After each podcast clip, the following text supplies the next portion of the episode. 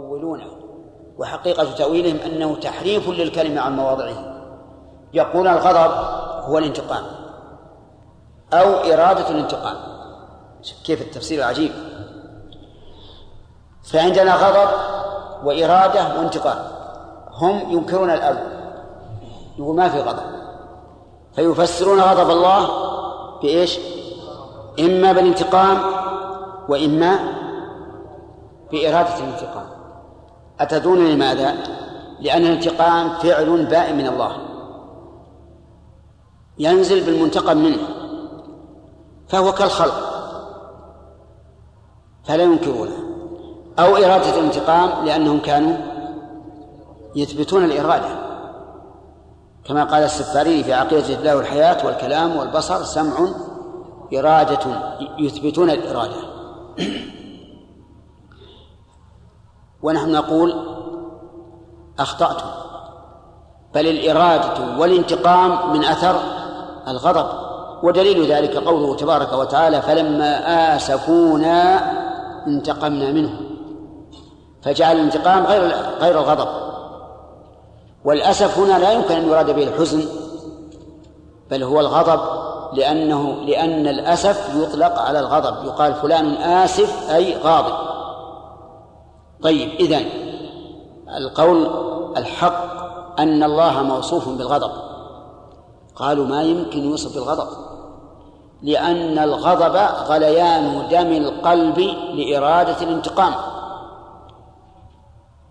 جوابنا على هذا أن نقول هذا الغضب هو غضب المخلوق. أما الخالق فغضبه وصف يليق بجلاله وعظمته. لا نعلم كيفيته. ثم قال وعن وعن سهل بن سعد رضي الله عنه قال قال رسول الله صلى الله عليه وسلم العجلة من الشيطان؟ أخرجه الترمذي وقال حسن. العجلة الإقدام على الشيء من غير تفكير ولا تأمل. هذه العجلة. وسواء كانت عجلة في القول أو في نعم في الاعتقاد أو في القول أو في الفعل. كل إنسان يقدم على الشيء بدون تروي فهو عجول. والعجلة من طبيعة الإنسان. والعجيب أن العجلة من طبيعة الإنسان ووصف الإنسان. من طبيعة الإنسان لقوله تعالى خلق الإنسان من عجل. كأنه مكون من العجل. كما في قوله خلق من طين. مكون منين؟ من الطين. ثم العجلة هي وصفه. وكان الإنسان عجولا. كان الإنسان عجولا فإذا اجتمع الأصل والوصف والشيطان كما في الحديث من الشيطان صارت المسألة تحتاج إلى مدافعة قوية وأن الإنسان لا يتعجل. والعجلة كما قلنا العجلة التي هي من الشيطان هي المبادرة بالإقدام. إيش؟ بدون تفكير ولا تروي وكم من إنسان تعجل بدون تفكير ولا تروي فندم. ولهذا من الأمثال المضروبة في التأني السلامة إيش؟ وفي العجلة الندامة.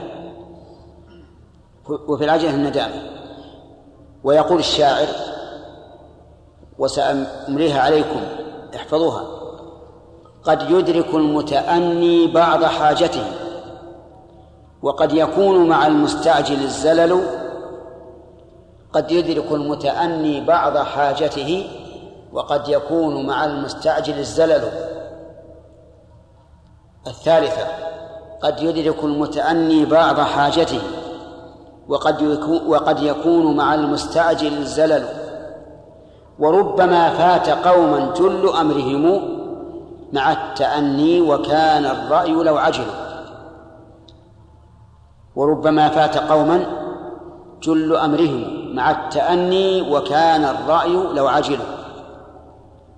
المرة الثالثة وربما فات قوما جل أمرهم مع التأني وكان الرأي لا يعجل. محمد. أنشدنا.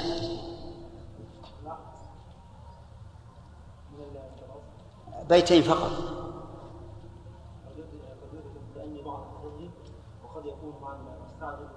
نعم. جل. آه. آخر شطر يا شيخ.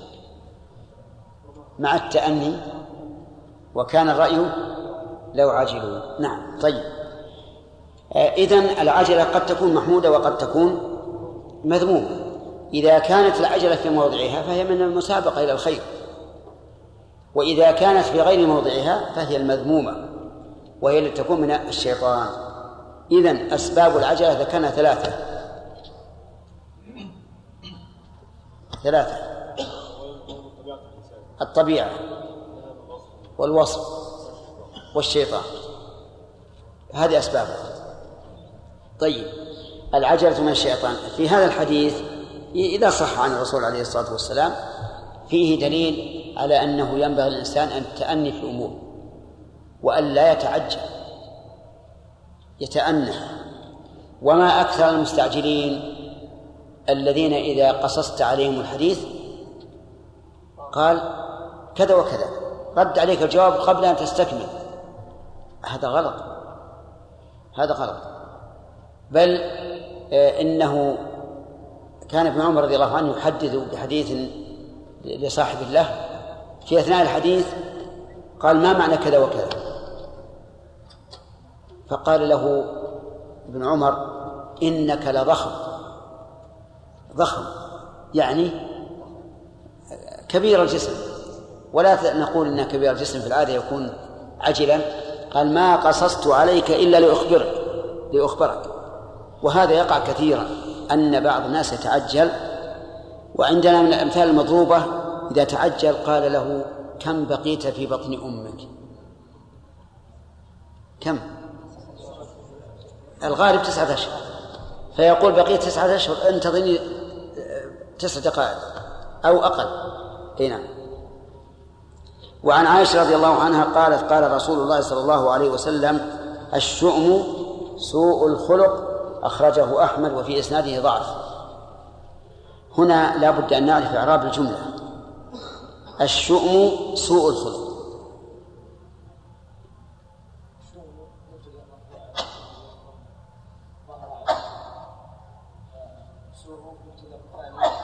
مبتدا ثاني الشؤم مبتدأ وسوء مبتدا ثاني.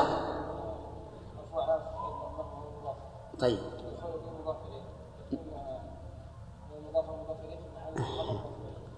لا أحد يقول إن المضاف والمضاف إليه جملة أبدا. ولا شبه جملة.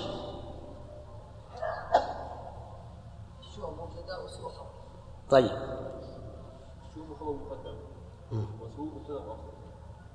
طيب هذا قولان القول الثالث لا لا, لا يعد قولا لأنه نقول ليس بصواب ما في مانع كله يخطئ.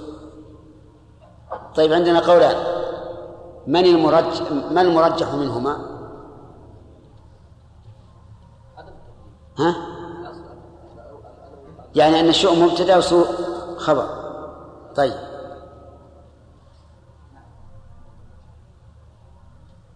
طيب. الظاهر لي أن أن الشؤم خبر مقدم. لأن المعنى أن سوء الخلق من الشؤم. وليس المعنى أن الشؤم من سوء الخلق. نعم؟ هذا هو الظاهر. لكن لو قال قال قائل بالثاني فله وجه. على كل حال أن الشؤم يعني كون الإنسان مشؤوما هو الذي يكون سيء الخلق. فسوء الخلق من الشؤم. وكم من إنسان حصل له من النكبات والبلاء بسبب اقترانه بسوء الخلق وكم من إنسان أيضا حصل له البلاء والشر والفتنة بسبب سوء خلقه.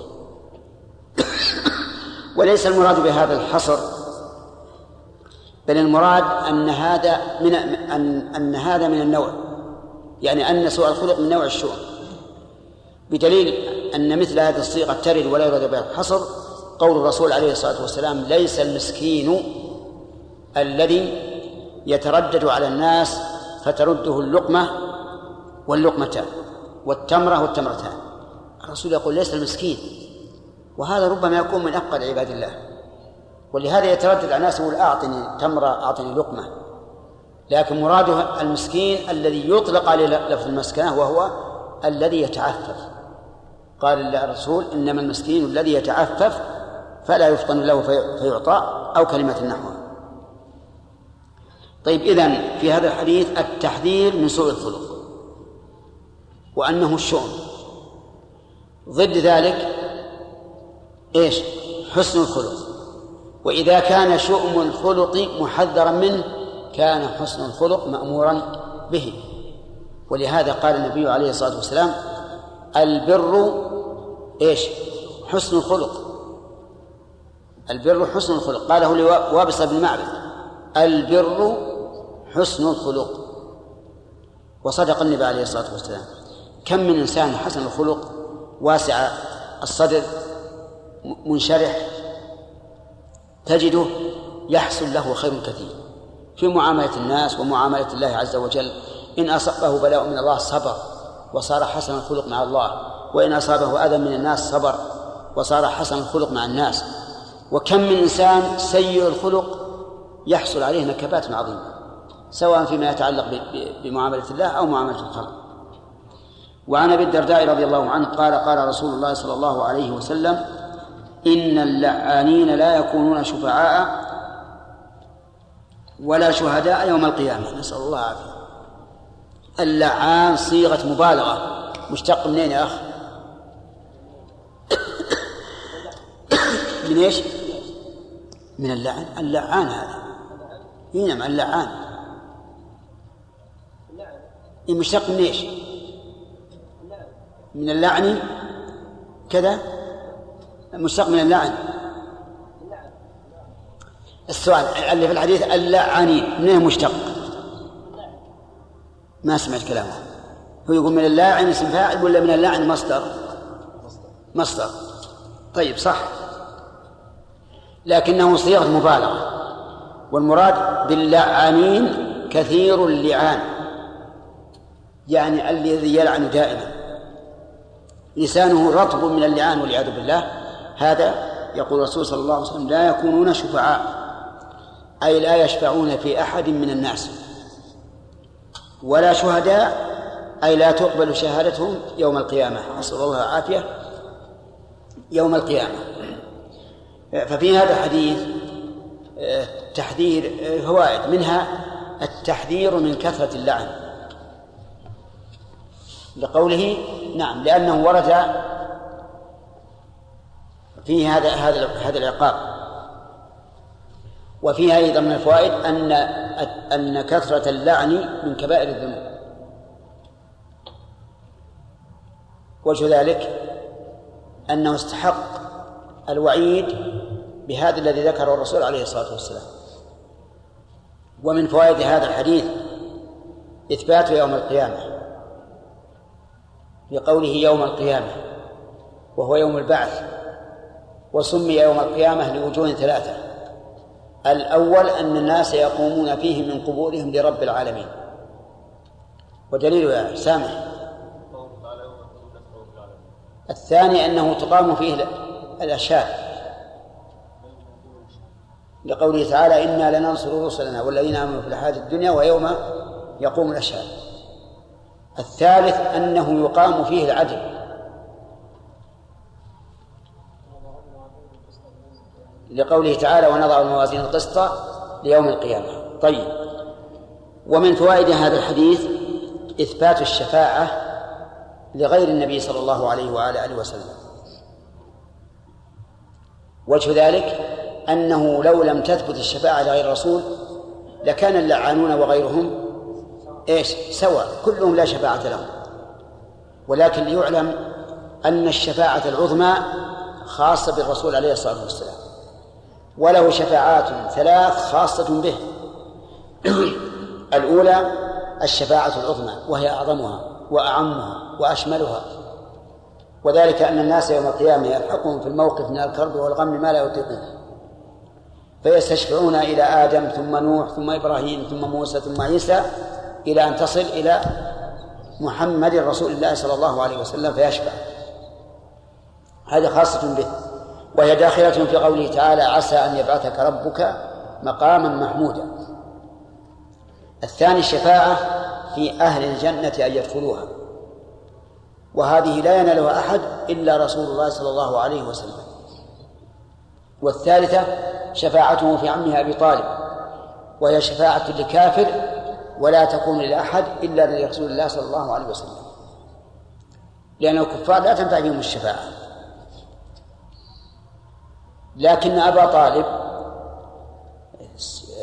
يعني نعم لكن أبا طالب نفعت فيه الشفاعة لما حصل منه من تأييد النبي صلى الله عليه وسلم ونصرته إياه والدفاع عنه.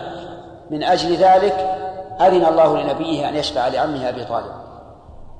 ولكن هل خرج من النار؟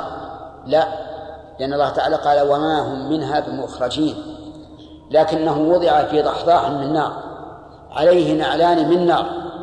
يغلي منهما دماغه. أعوذ بالله. دماغه أعلى ما في جسده يغلي من نعال في أسفل جسده وإذا كان الدماغ يغلي فما بالك؟ بما دون الدماغ سيكون أشد غليانا. نسأل الله العافية. ثم مع هذا العذاب العظيم الدائم المستمر يرى أنه إيش؟ أشد الناس عذابا. لأنه لو رأى أنه أهون الناس عذابا لاقتنع.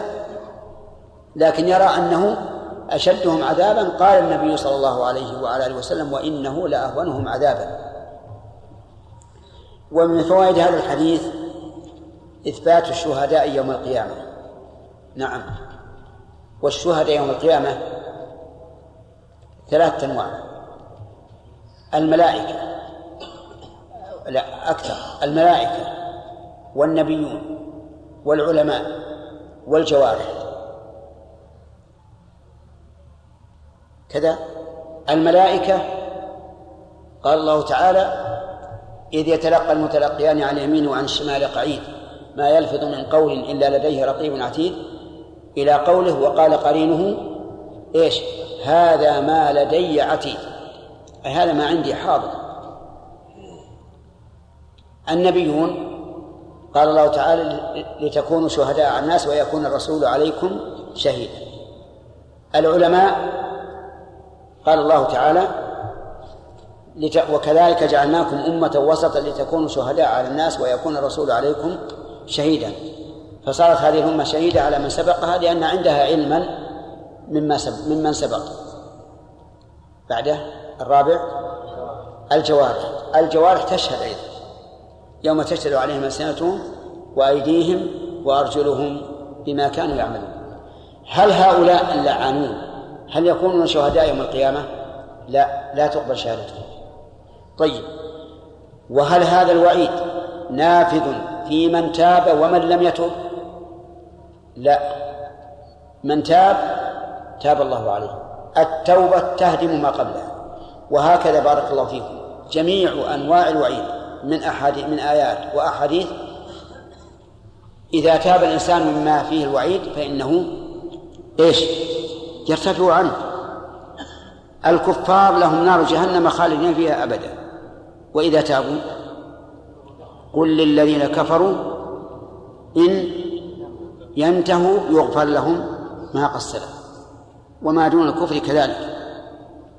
فعلى هذا كل نص فيه وعيد مقيد بما إذا لم يتب منه فإن تاب منه تاب الله عليه. فهؤلاء اللعانون إذا تابوا وأقلعوا عن كثرة اللعن فإنهم يكونون كغيرهم يوم القيامة.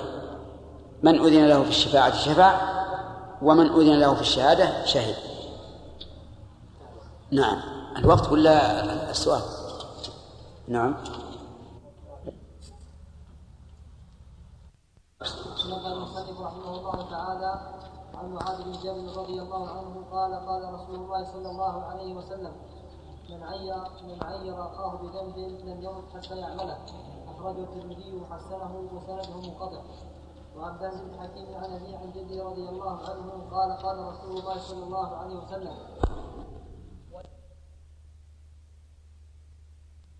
ويل له ثم ويل له. أخرجه الثلاث وإسناده قوي. رحمه الله تعالى فيما نقله من الأحاديث في باب الترهيب من مساوي الأخلاق.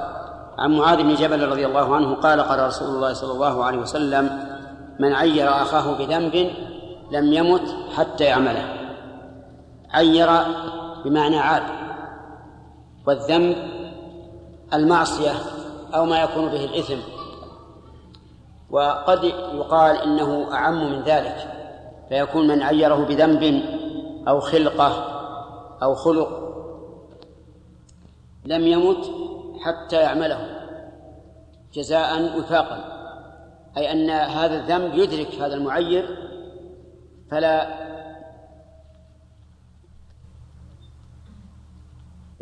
عندنا طلبة آه، فإنه يدركه هذا الذنب حتى آه، يعمله. لكن الحديث كما ترون يقول إن إسناده منقطع. نعم. والذي إسناده منقطع يكون ضعيفا لأن من شرط صحة الحديث أن يكون متصل السند.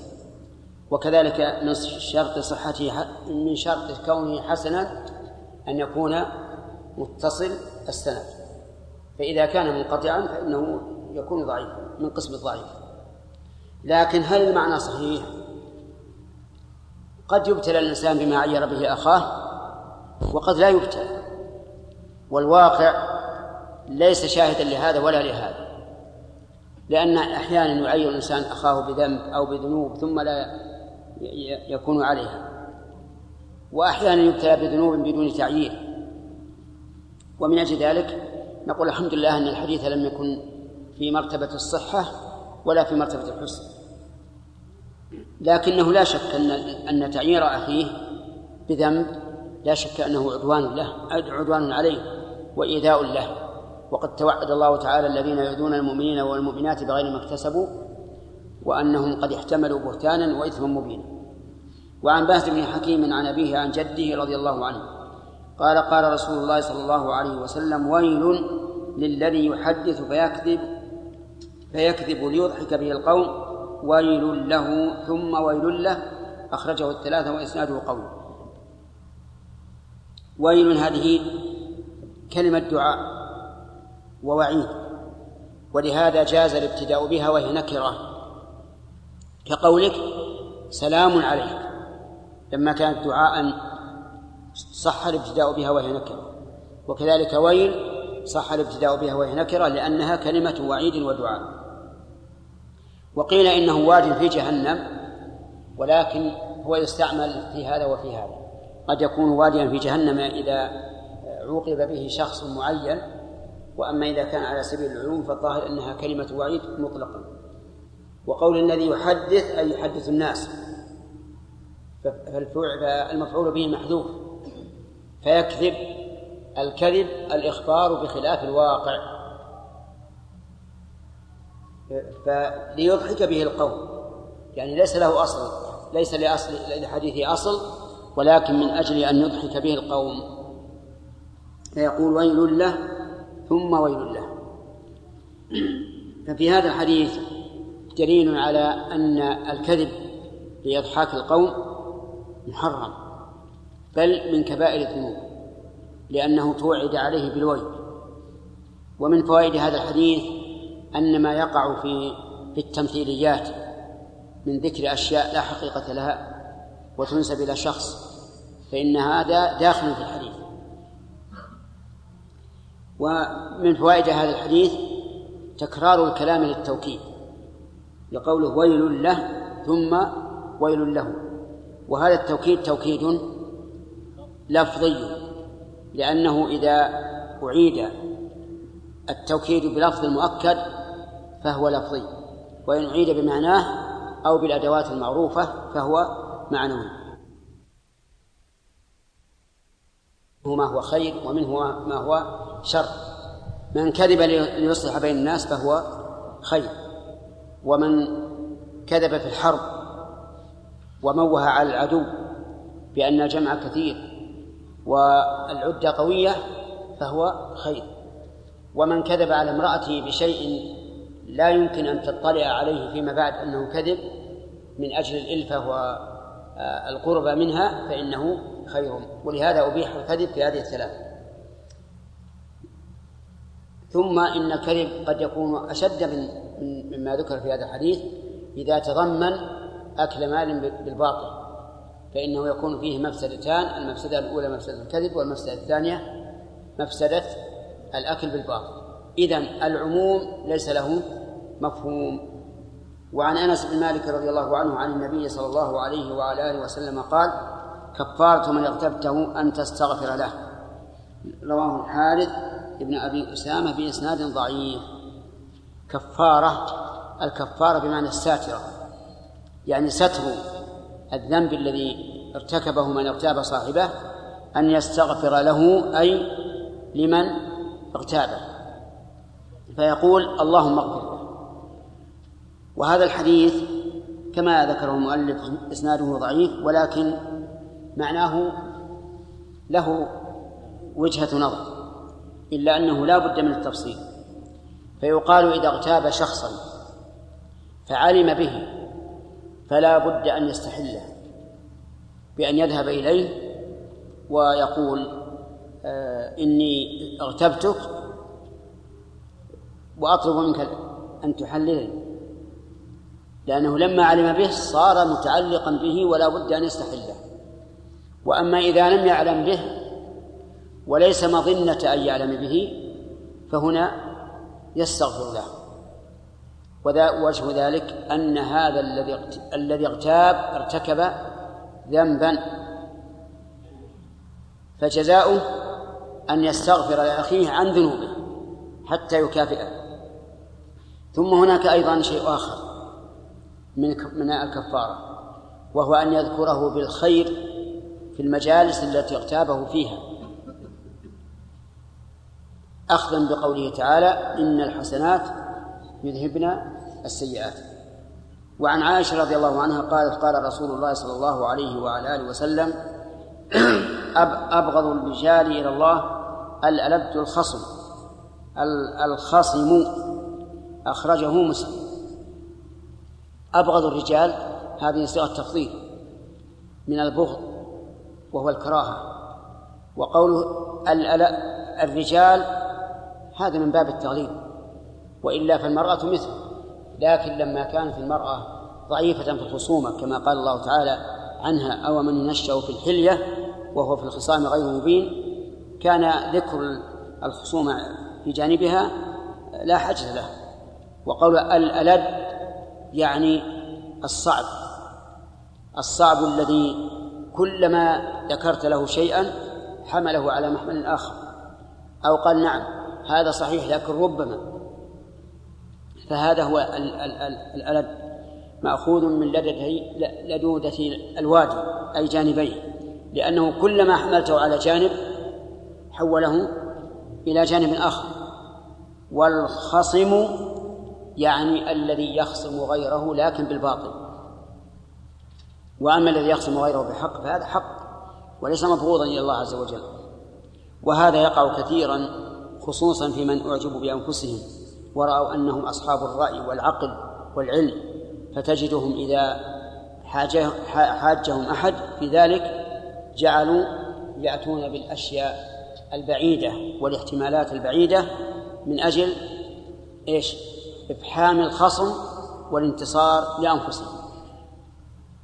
ففي هذا الحديث فوائد. أولا إثبات البغض لله عز وجل وأن بغض الله تعالى يتفاوت. لقوله أبغض.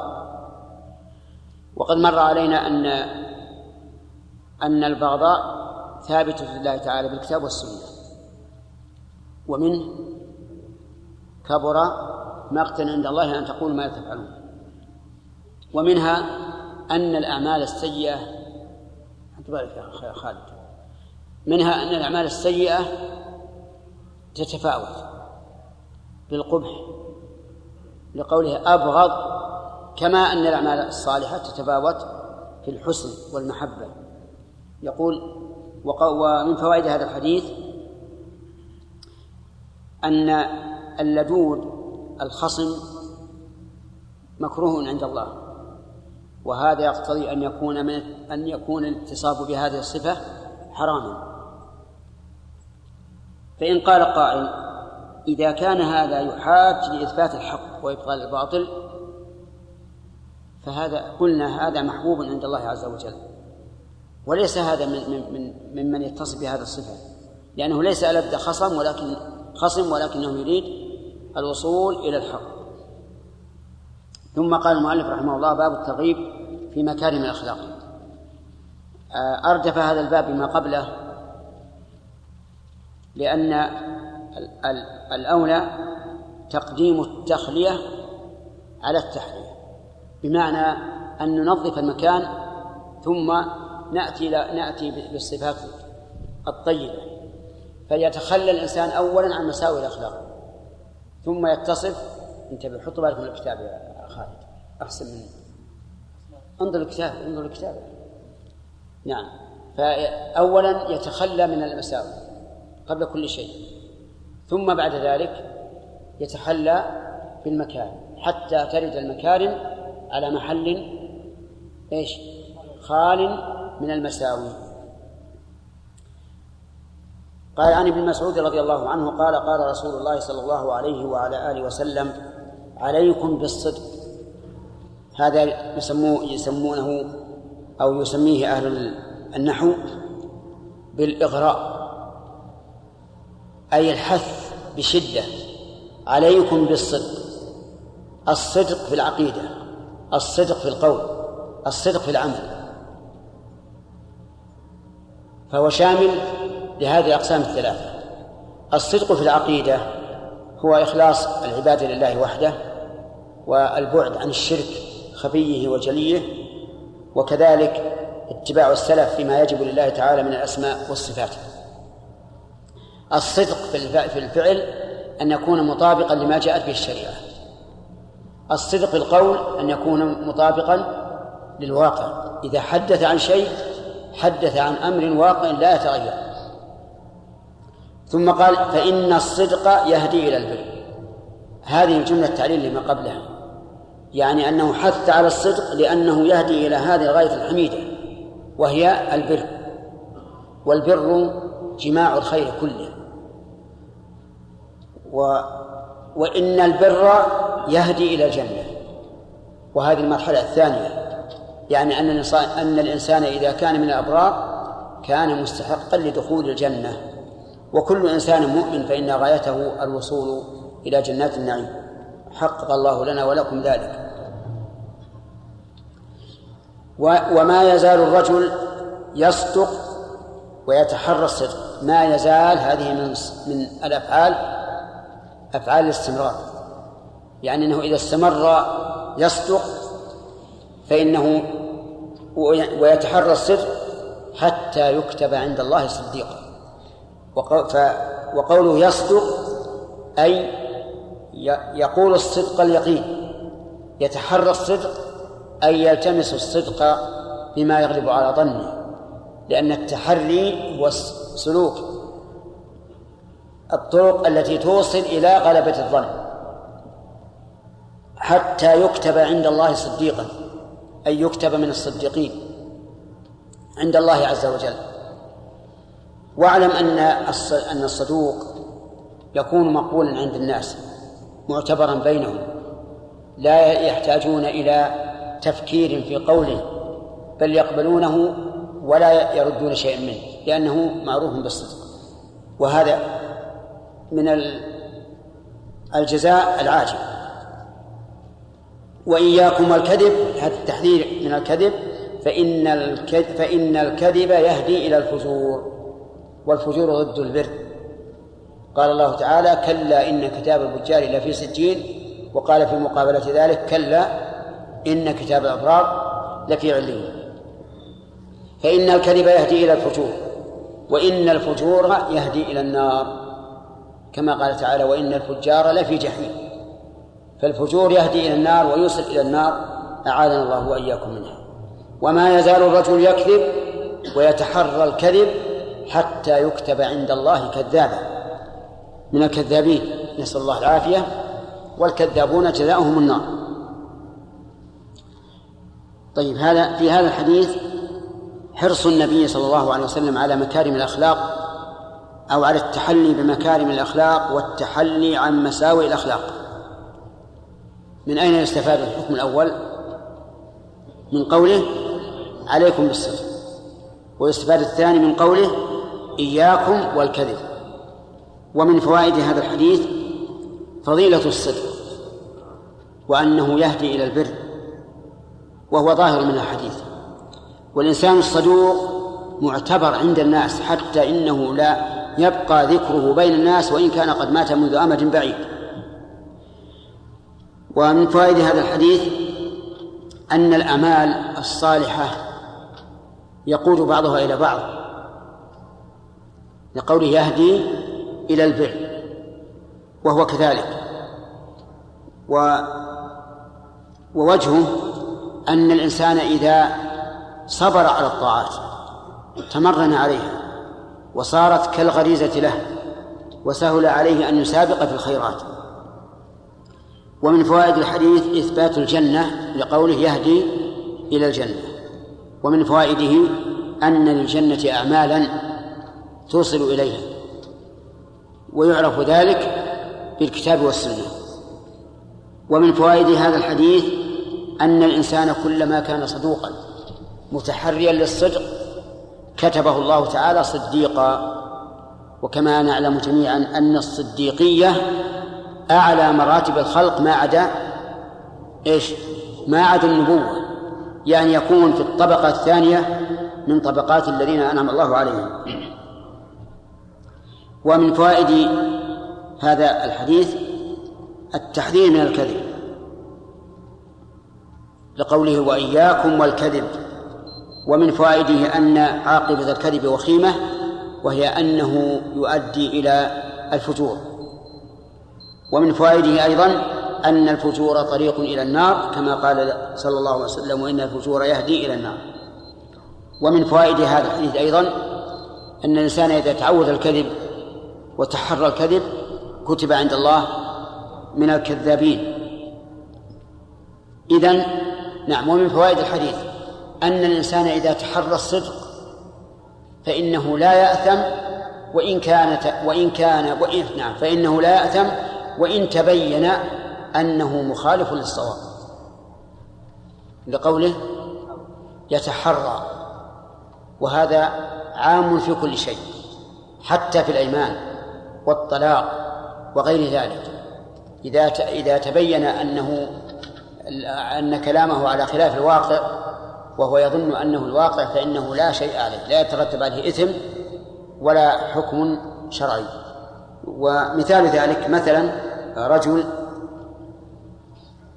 طلق زوجته بناء على أنها كلمت أجنبيا. وتبين أنها لم تكلم أجنبيا فلا شيء عليه. يعني لا طلاق عليه. رجل آخر قال والله ليقدمن فلان غدا. يخبر عما في عما في قلبه وعما في ظنه. ثم لم يقدم. إيش؟ فلا فلا حنث عليه. ولا شيء عليه لأنه بنى على غالب ظنه وظن أن هذا هو الصدق. ومن ذلك أيضا إذا قال لامرأته إن كلمت فلانا فأنت طالق فكلمت رجلا يظنه إياه. فقال لها أن كلمت من قلت من علقت طلاقك عليه أنت طالق. ثم تبين أنها كلمت غيره فإنه لا طلاق عليه. والمهم أن كل من أخبر بشيء يظنه صدقا فهو قد تحرى الصدق فلا فلا إثم عليه ولا كفارة فيما إذا بان خلاف ظنه. في الكذب نفس الشيء. يقول الإنسان إذا حدث بكذب يعلم أنه كذب أو يغلب على ظنه أنه كذب فإنه واقع في الإثم وعن أبي هريرة رضي الله عنه أن رسول الله صلى الله عليه وسلم قال إياكم الظن فإن الظن أكذب الحديث ها؟ كيف؟ الأسئلة؟ نعم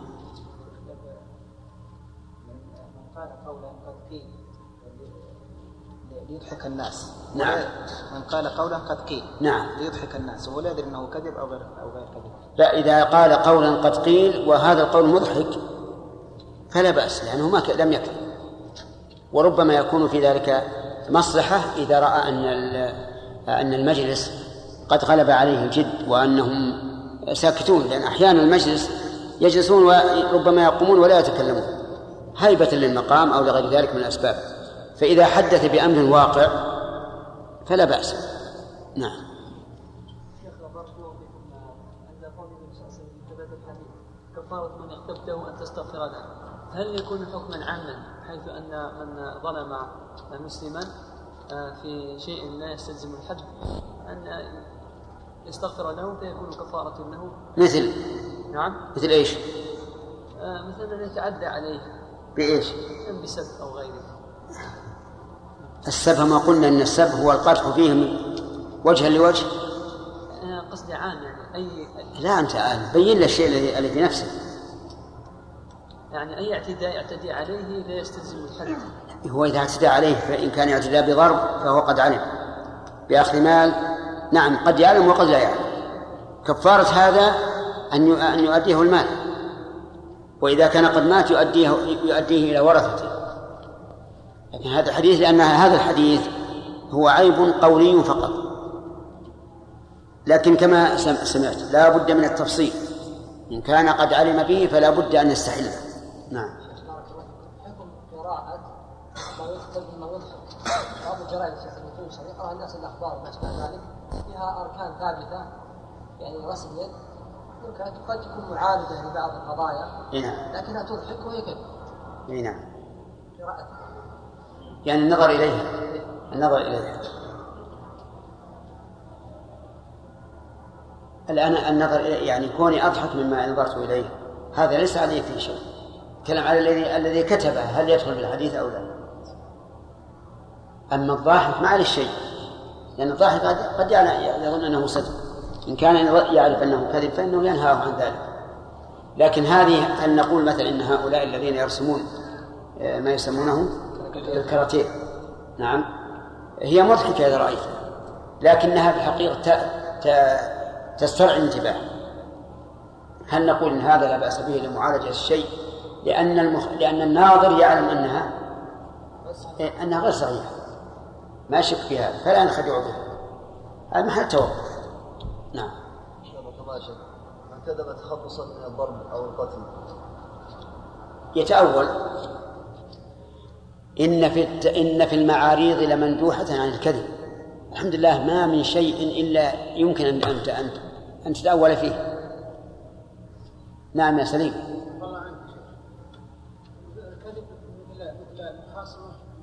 مناظرة للدين والباطل في واحد يا شيخ في الحرم حرم الم- المدينة رافضي وواحد سني وقال السني السني يستشهد بإصبع كذب تقولون كذب اللي يقولها الرافضي نعم أقول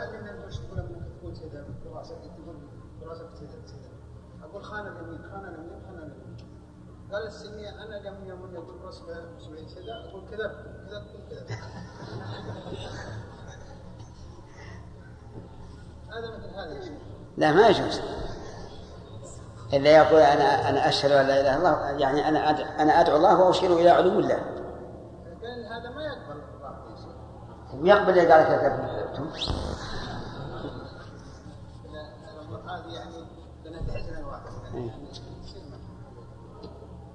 لا لو قال ما لو قال لو أعرض عن مسألة الشهر وقال إني أقول خان الأمين خان الأمين خان الأمين أقول كذبتم كذبتم كذبتم أقول أمامه بيدي أقول أنا أقابل إشاراتكم هذه بهذه الإشارة.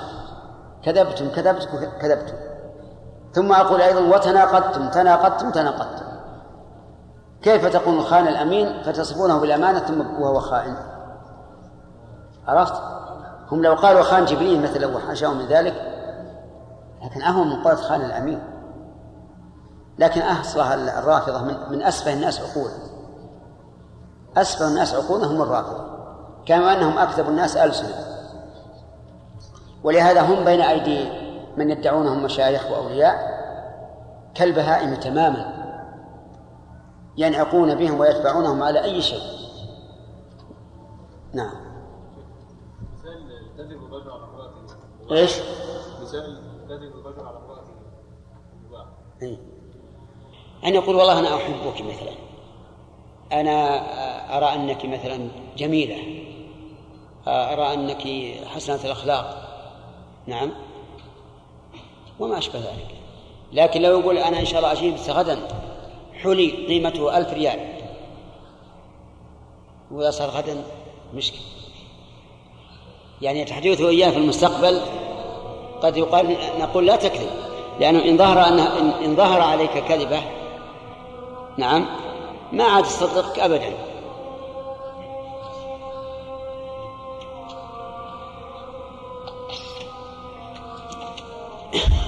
لا إله إلا الله اللهم صل على محمد اللهم رب هذه الدعوة التامة آت محمد الوسيلة والفضيلة ثم قام.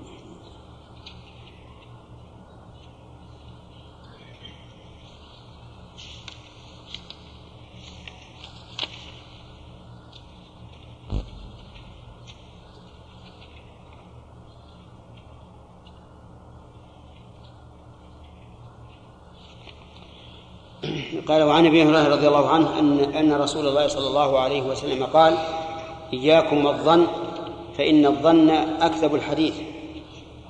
ها؟ اصبر يا أخي أنا الآن. هذا الحديث سبق في باب الترهيب من مساوئ الأخلاق. ولا ولا أدري ما وجه ذلك. أي ما وجه ذكر المؤلف له مرة أخرى وهو أيضا في باب الترغيب من في محاسن الأخلاق في مكارم الأخلاق. لكن لعل المؤلف رحمه الله ذهب وهمه حين ذكر إياكم والكذب. وهذا من مساوئ الأخلاق. ذكر بعد بعده إياكم والظن.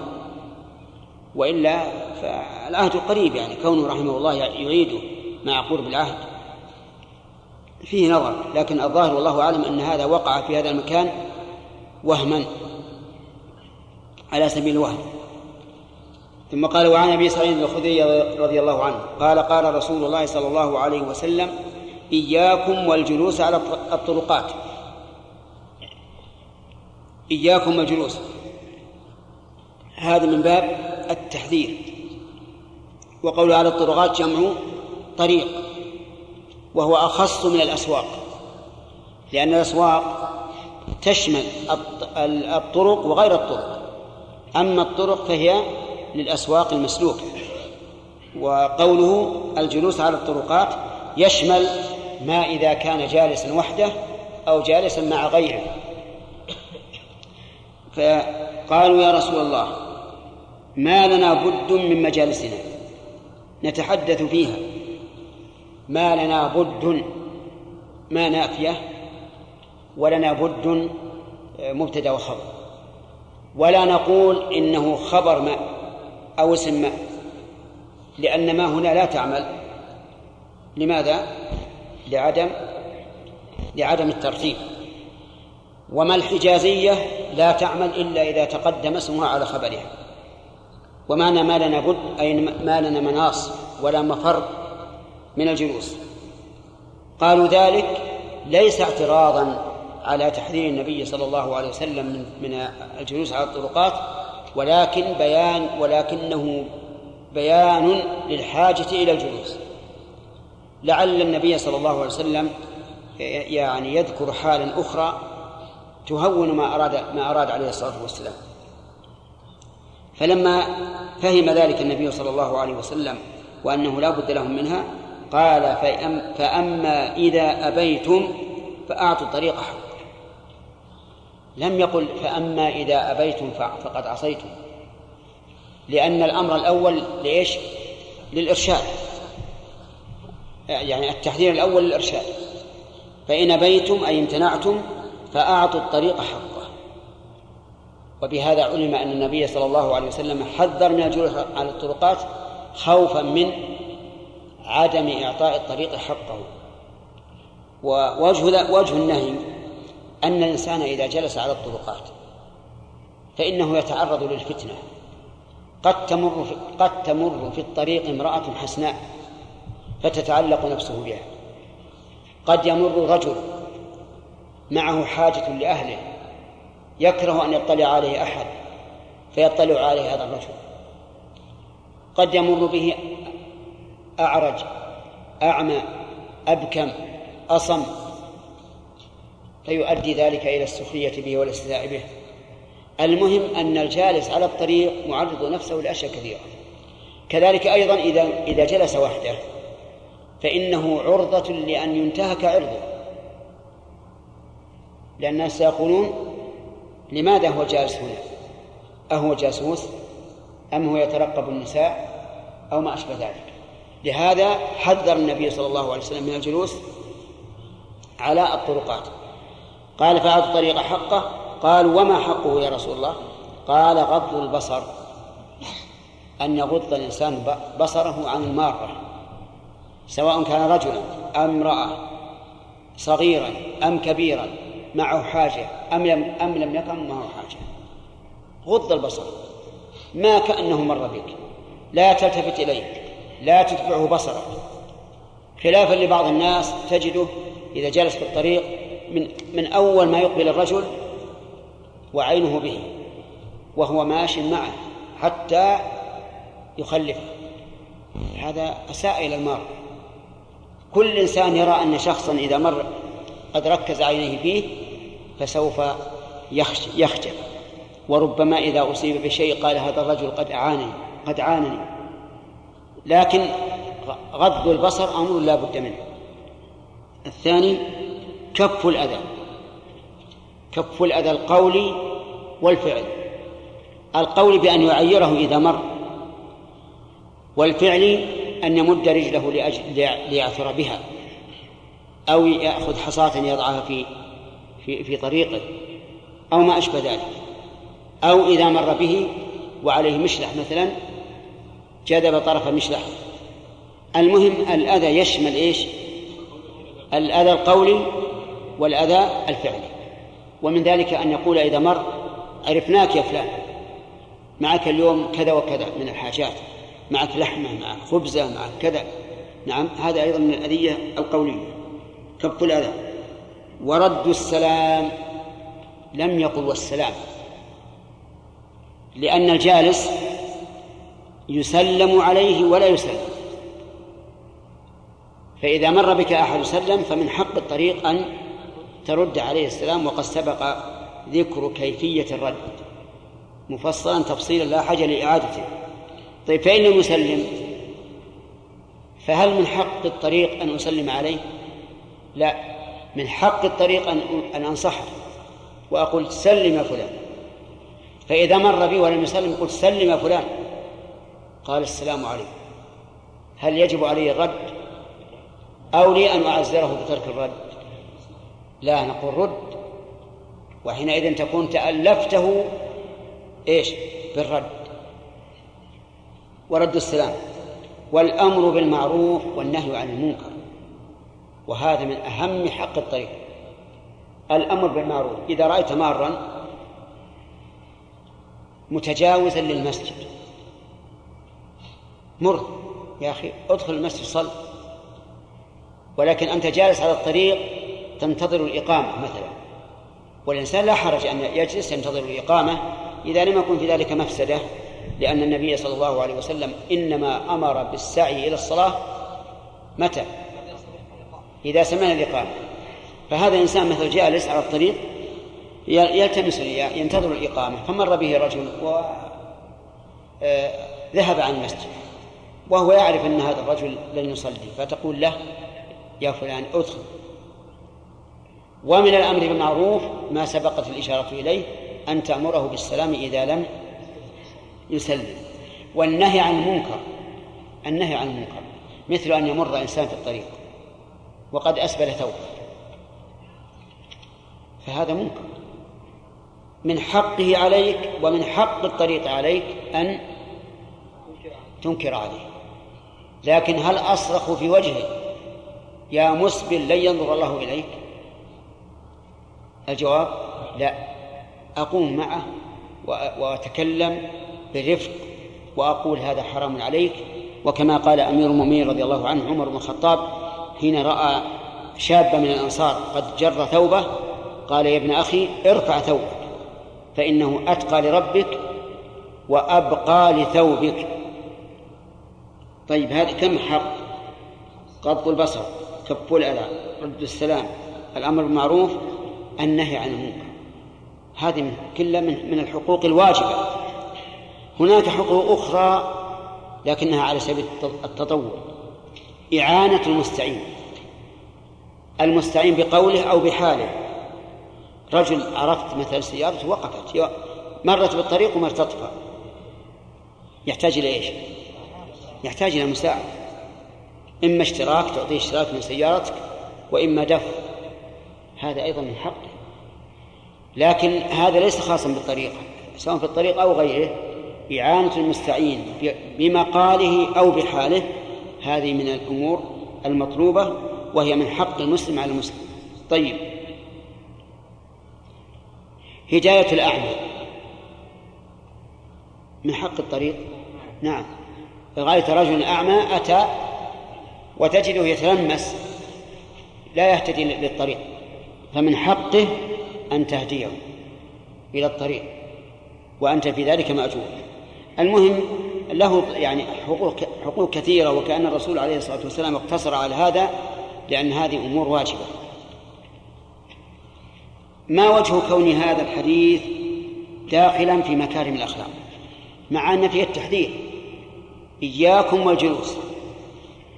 الجواب إذا قام الإنسان بهذه الحقوق فهو من أجل من مكارم الأخلاق. فإن قال قائل الأفضل لي أن أبقى في بيتي أو أن أو أن أجلس في السوق. قلنا إذا كان يمكنك البقاء في البيت فهو أفضل. لأن الصحابة رضي الله عنهم إنما أذن لهم حين قالوا آه ما لنا بد من مجالسنا. أما من كان لا يبالي جلس في السوق أو في بيته فبيته أفضل وأبرأ لذمته لأنه ربما يجلس في الطريق ولا يعطي حقه ربما يتهاون في الأمر بالمعروف والنهي عن المنكر ربما لا يغض البصر تمر به امرأة جميلة شابة ما يملك نفسه فبيته أسلم. لكن إذا كان لابد فلا بد من إعطاء الطريق حقه. طيب وإذا جلس في الطريق هل له أن يأكل ويشرب في الطريق؟ عجيب يا جماعة هذا حسب العرف. حسب العرف. العرف الآن للإنسان أن يأكل ويشرب. تجدهم على عتبات الدكاكين جالسين يشربون الشاي وربما يكون معهم ما يؤكل من بسكوت أو شابورة أو ما أشبه ذلك. هذا لا بأس به. نعم. من فوائد هذا الحديث حرص النبي صلى الله عليه وسلم على السلامة والبعد عن الفتنة. وجهه التحذير من الجلوس على الطرقات. ثانيا حرص النبي صلى الله عليه وسلم على كف الأذى. لأن من الحكمة عن النهي بالجلوس في الطرق عن النهي عن الجلوس في الطرق في الطرقات أن لا يتأذى أو يؤذي. ومن فوائده جواز مراجعة العالم فيما يقول. وجهه أن الصحابة راجعوا النبي صلى الله عليه وسلم وهو المطاع في أمره عليه الصلاة والسلام ومع ذلك راجعوا. ومن فوائده أن الإنسان إذا راجع في أمر فإن المشروع في حقه أن يبين العذر والسبب. من أين يؤخذ؟ من قولهم مجالسنا ما لنا منها نعم ما لنا بد من مجالسنا. ومن فوائد هذا الحديث حسن خلق الرسول عليه الصلاة والسلام. حيث علم أن هذا إباء منهم لكنه مبرر بالحاجة. لقوله إن فإن فأما إذا أبيت. وهذا لا شك أنه من حسن خلقه وإلا لأكد عليهم قال حذرتكم فلا تجلسوا. لكن من حسن خلقه قال هذا ومن فوائد هذا الحديث مراعاة الأحوال وأن الأحكام قد تختلف بحسب أحوال الأحوال. من أين تؤخذ يا أخ. أين نعم أنت من أين تؤخذ؟ ها؟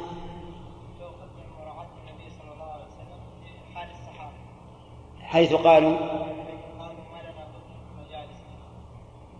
فرخص لهم بعد ذلك. تمام. تؤخذ من هذا أنه تجب مراعاة الأحوال.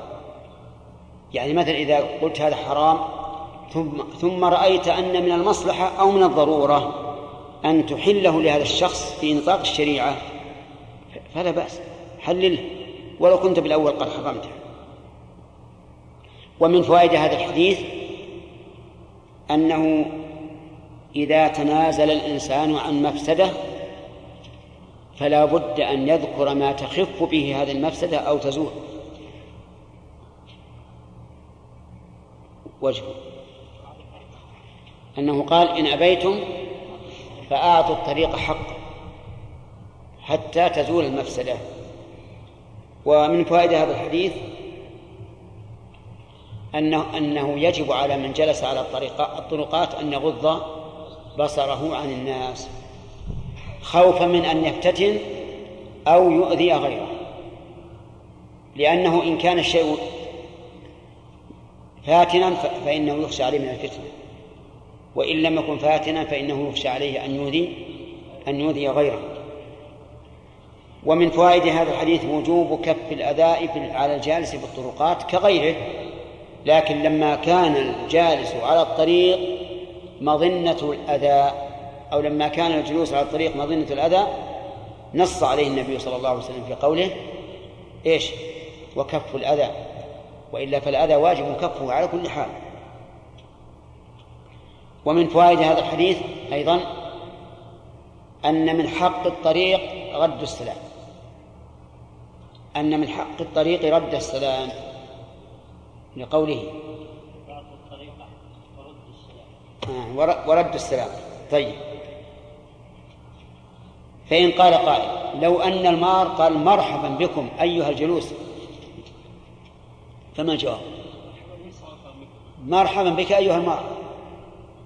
كذا إذا حييتم بتحية فحيوا بأحسن منها لكن هنا ينبغي أن يقال له السنة السلام دون الترحيب.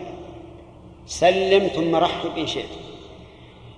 ومن فوائد هذا الحديث أنه يجب على الجالس في الطريق أن لا يجعل الأمر بالمعروف والنهي عن المنكر لقوله والأمر بالمعروف والنهي عن المنكر. طيب.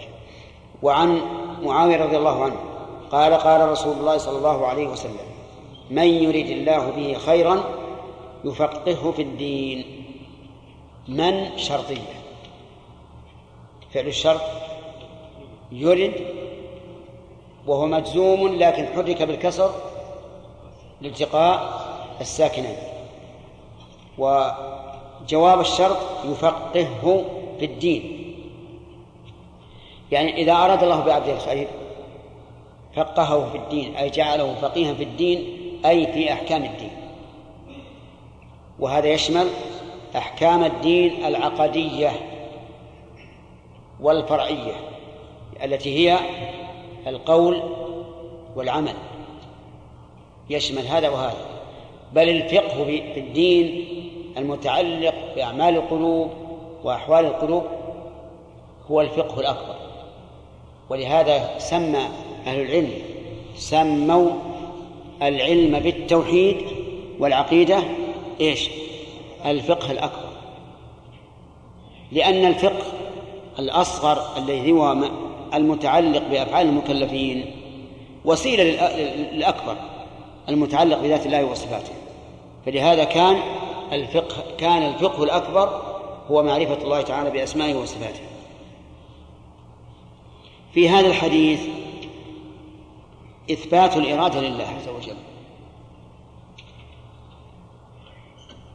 لقوله من يرد الله به خيرا.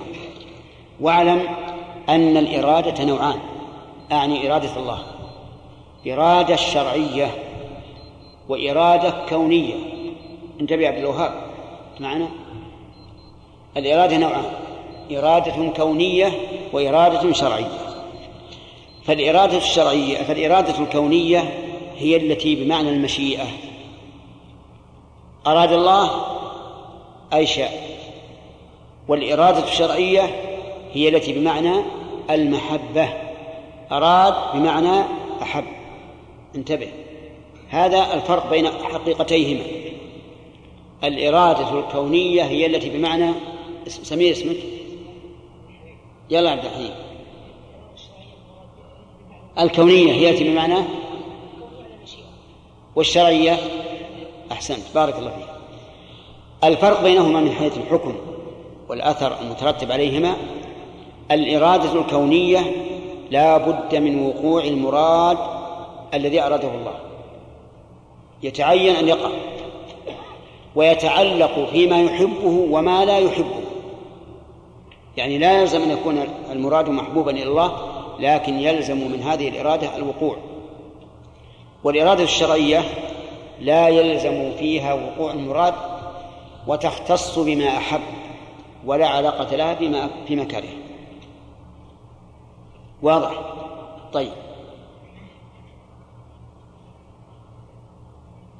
قول الله تبارك وتعالى يريد الله بكم اليسر ولا يريد بكم العسر هذه إيش؟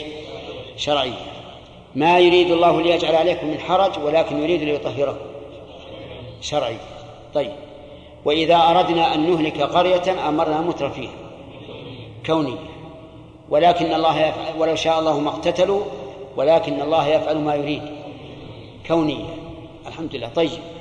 إذا فهمتم الفرق. فإذا قال قائل هل الله يريد الشر؟ هل يريد الله الشر؟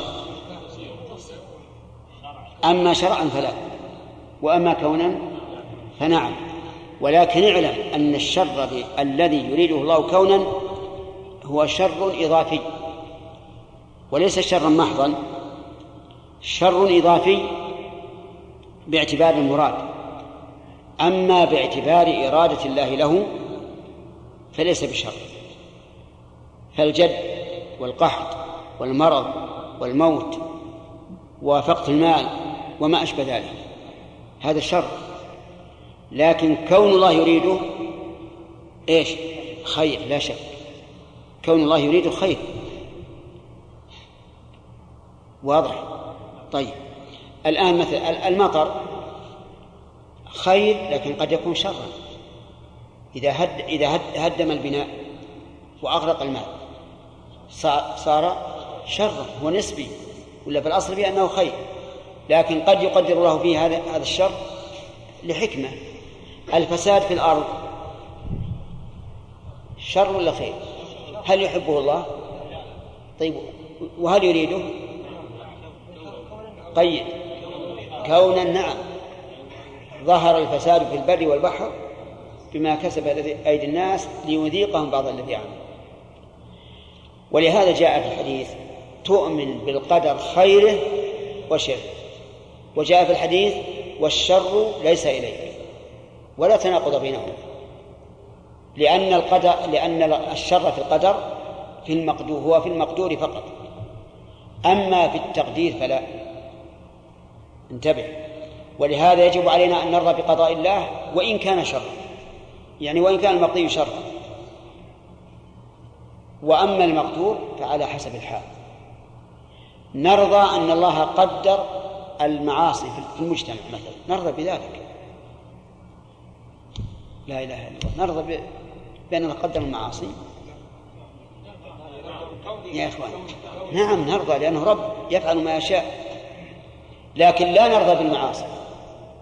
لا نرضى بالمعاصي. ولهذا أعجبني كلمة قالها شيخ الإسلام رحمه الله. لما ذكر حكم السلف في أهل الكلام.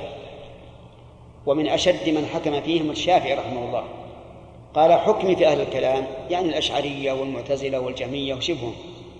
حكمي فيهم أن يضربوا بالجريد والنعام ويطاف بهم في العشائر ويقال هذا جزاء من ترك الكتاب والسنة وأقبل على علم الكلام. عقوبة شديدة. يعني يؤتى بأكبر عالم منهم. نعم. طويل العمامة كبير الهامة. ويطاف به في إيش؟ في العشائر والأسواق. ويضرب بالجريد والنعال. إهانة له. ويقال هذا جزاء من ترك الكتاب والسنة وأقبل على علم الكلام. قال رحمه الله عن ابن تيمية وهم مستحقون لما قاله الشافعي رحمه الله من وجه. الوجه مخالفتهم للشرع. يستحقون التأديب حتى ينكر بهم ما وراءهم. لكن من نظر إليهم بعين القدر رق إليهم ورحم عليهم ورحمهم مساكين. ظلوا. فيرق لهم ويرحمهم. لكن في دين الله إيش؟ لا يرحمهم في دين الله. قال الله عز وجل الزانية والزاني فاجلدوا كل واحد منهما مائة جلدة ولا تأخذكم بهما رأفة. كمل. في دين الله. أما من نظر إليهم من ناحية القدر فقد يرأف بهم يقول مساكين غلبهم الشيطان لعب بهم اتبعوا الشهوات فيرق لهم. لكن في دين الله لا. لا ترحم أحدا في دين الله. رحمة الإنسان في دين الله أن تعاقبه على على شريعة الله. واضح؟ طيب إذا نقول الإرادة الكونية لا بد فيها من وقوع. إيش؟ المراد. وتتعلق فيما يحبه الله. إيش؟ وما لا يحب انظر إلى قوله تعالى وما اقتتل الذين من بعده من بعد ما جاءتهم البينات.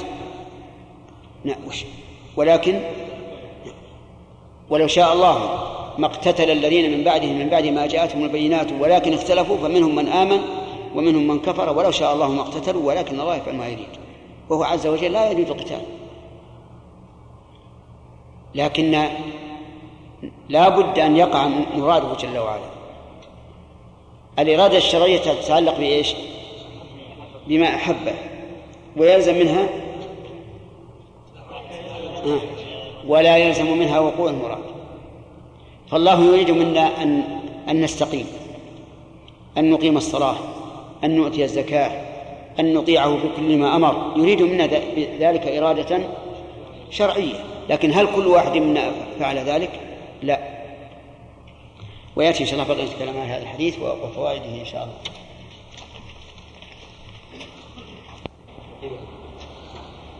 يقول ذكرنا من الاختيار في المشية والكلام واللباس محرم. فكيف يكون الاختيار في الكلام؟ الاختيار أن يتقعر في الكلام وتجد إذا تكلم يتكلم بملء شدقيه وهذا يظهر كثيرا في كلام بعض الناس الذين عندهم اختيار وكبرياء في كلامهم أيضا.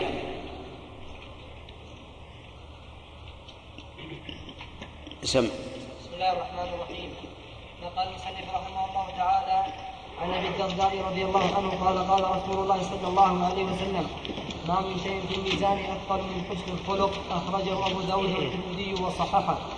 وعن ابن عمر رضي الله عنهما قال قال رسول الله صلى الله عليه وسلم الحياء من الإيمان متفق عليه.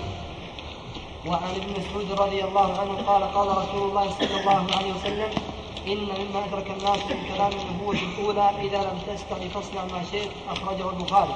بسم الله الرحمن الرحيم الحمد لله رب العالمين وصلى الله وسلم على نبينا محمد وآله وأصحابه ومن تبعهم بإحسان إلى يوم الدين سبق لنا أن الإرادة تنقسم إلى الأخ وهما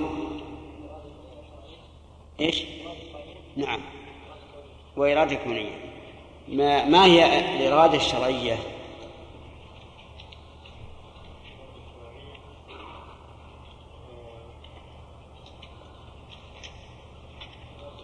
نعم. هي التي بمعنى المحبة بارك الله فيك. والكونية؟ لا هذا الحكم. هي التي بمعنى المشيئة. أحسن. طيب ما الفرق بين الإرادتين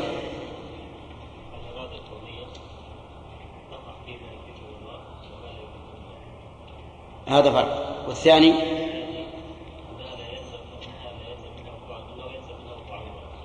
أنه يلزم منها وقوع المراد يعني إذا أراد الله شيئا كونا فلا بد أن يقع. طيب بارك الله فيك. الإرادة الشرعية يحيى؟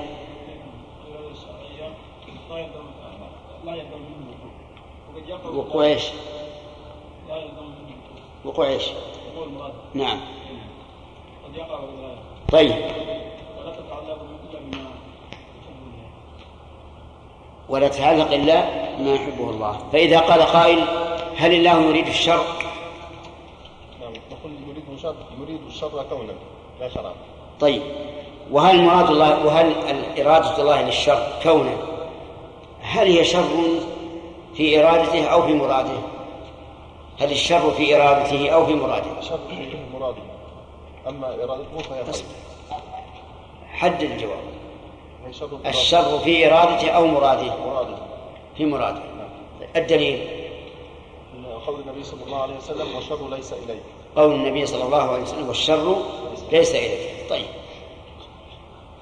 إذا أراد الله عز وجل أن يكون الكفر والمعاصي فهل يقال إن هذه الإرادة شر أو لا؟ لقول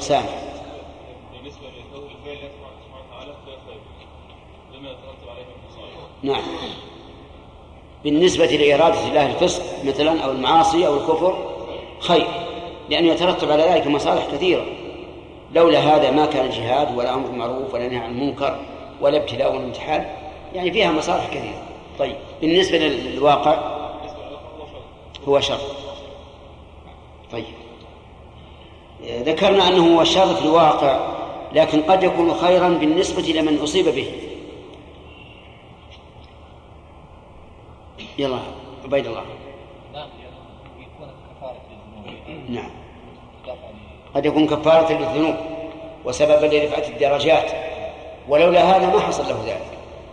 ولهذا كان رسول الله صلى الله عليه وعلى آله وسلم يوعك يعني في الحمى كما يوعك الرجلان. وأوذي في في الله عز وجل ليكمل له آه، مراتب الصبر. قوله يفقهه في الدين. هل المراد بذلك الفقه الاصطلاحي أو لا؟ لا شرح ما اخذنا ها؟ ما كملنا الفوائد ما لكن شرح طيب. متفقون على انه لم يشرح؟ شرح يا أخي. نعم. لا شرح. وش معنى من لا الأخ اللي وراء. أي نعم. هل المراد بالفقه هنا الفقه الاصطلاحي؟ أو ما هو أعم من ذلك؟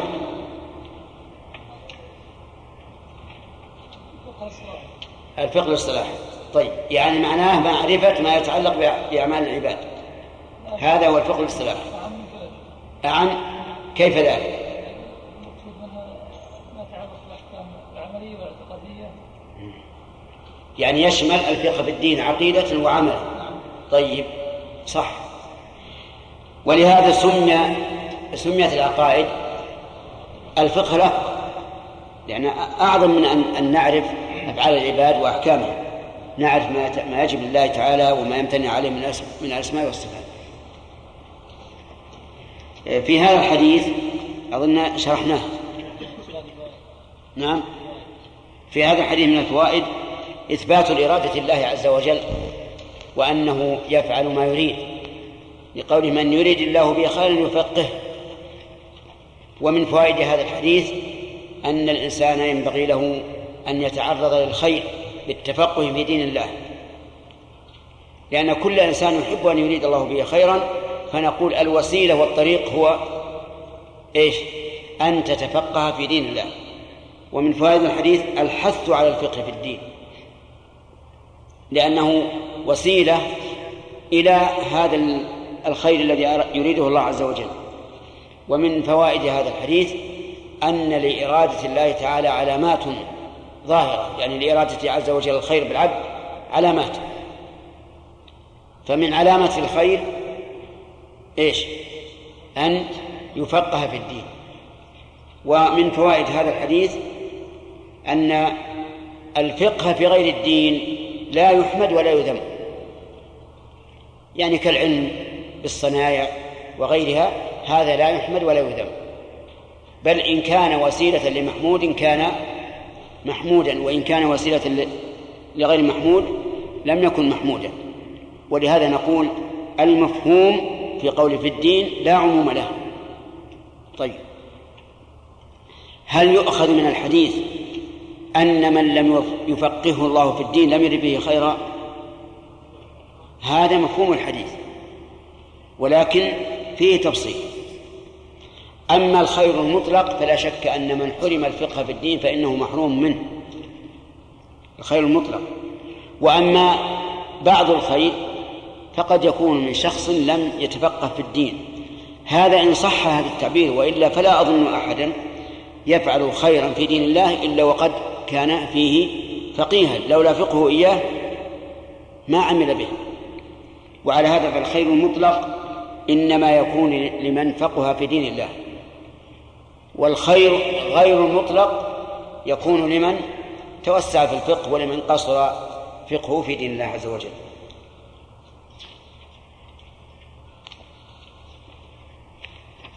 ومن ومن فوائد هذا الحديث البشارة العظيمة. لمن رزقه الله الفقه في الدين وهي أن الله أراد به خيرا فيكون هذا داخلا في قوله تعالى لهم البشرى في الحياة الدنيا وفي الآخرة فإذا رأيت الله قد من عليك بالفقه في دينك فاعلم أن الله أراد بك خيرا. لكن قد يقول قائل إننا نرى بعض العلماء عندهم علم في الفقه العقدي والعمل. ومع ذلك هم على جانب كبير من المعاصي و و والفسوق. نقول هؤلاء ليسوا فقهاء. بل هم قراء وهناك فرق بين الفقيه والقارئ. ولهذا قال ابن مسعود كيف بكم إذا كثر قراءكم وقل فقهاؤكم؟ الفقيه في الدين في الواقع هو الذي يعلم الأحكام وأسرار الشريعة وحكمها ويعبد الله عز وجل بمقتضاها وإلا فليس بفقيه. وعن أبي الدرداء رضي الله عنه قال قال رسول الله صلى الله عليه وسلم ما من شيء ما من شيء في الميزان أثقل حرك. نعم. بالرفع ما من شيء في الميزان أثقل. إذا ما الذي رفعها الذي رفعها أن من في قوله من شيء حرف جر زائد. وعلى هذا يكون التقدير ما شيء في الميزان أثقل من حسن الخلق. طيب أثقل من من حسن الخلق. وإذا أخذنا بظاهر الحديث فإنه يبقى مشكلا لأن كلمة التوحيد أثقل ما يكون في الميزان. أليس كذلك؟ كما في حديث صاحب البطاقة الذي أخرج له يوم القيامة سجلات كثيرة من الذنوب ثم وزنت بلا إله إلا الله فرجعت بها لا إله إلا الله. فكيف يمكن الجمع بين هذا وبين ما جاء في هذا الحديث؟ الجواب أولا إن صح هذا الحديث. فإن قول لا إله إلا الله من توحيد الله عز وجل بل هي توحيد الله. ولا شك أن اعتقاد مقتضاها من حسن الخلق لأن حسن الخلق لا يراد بها أن يكون لا يراد به أن يكون الإنسان مع الناس آه، واسع الصدر منطلق الوجه. فقط لا حسن الخلق يشمل حسن الخلق مع الله ومع عباد الله. ومع ذلك حتى في هذا الجواب يبقى إشكال أيضا. لأنه إذا قلنا إن حسن الخلق هو حسن الخلق مع الله ومع عباد الله شمل شمل الدين كله. وحينئذ ليس لا ليس هناك شيء أثقل من شيء. فالحديث مشكل ولهذا لا بد أن آه، يخرجه لنا أحد منكم. تخريجا تاما. يا إيهاب؟ طيب إن شاء الله.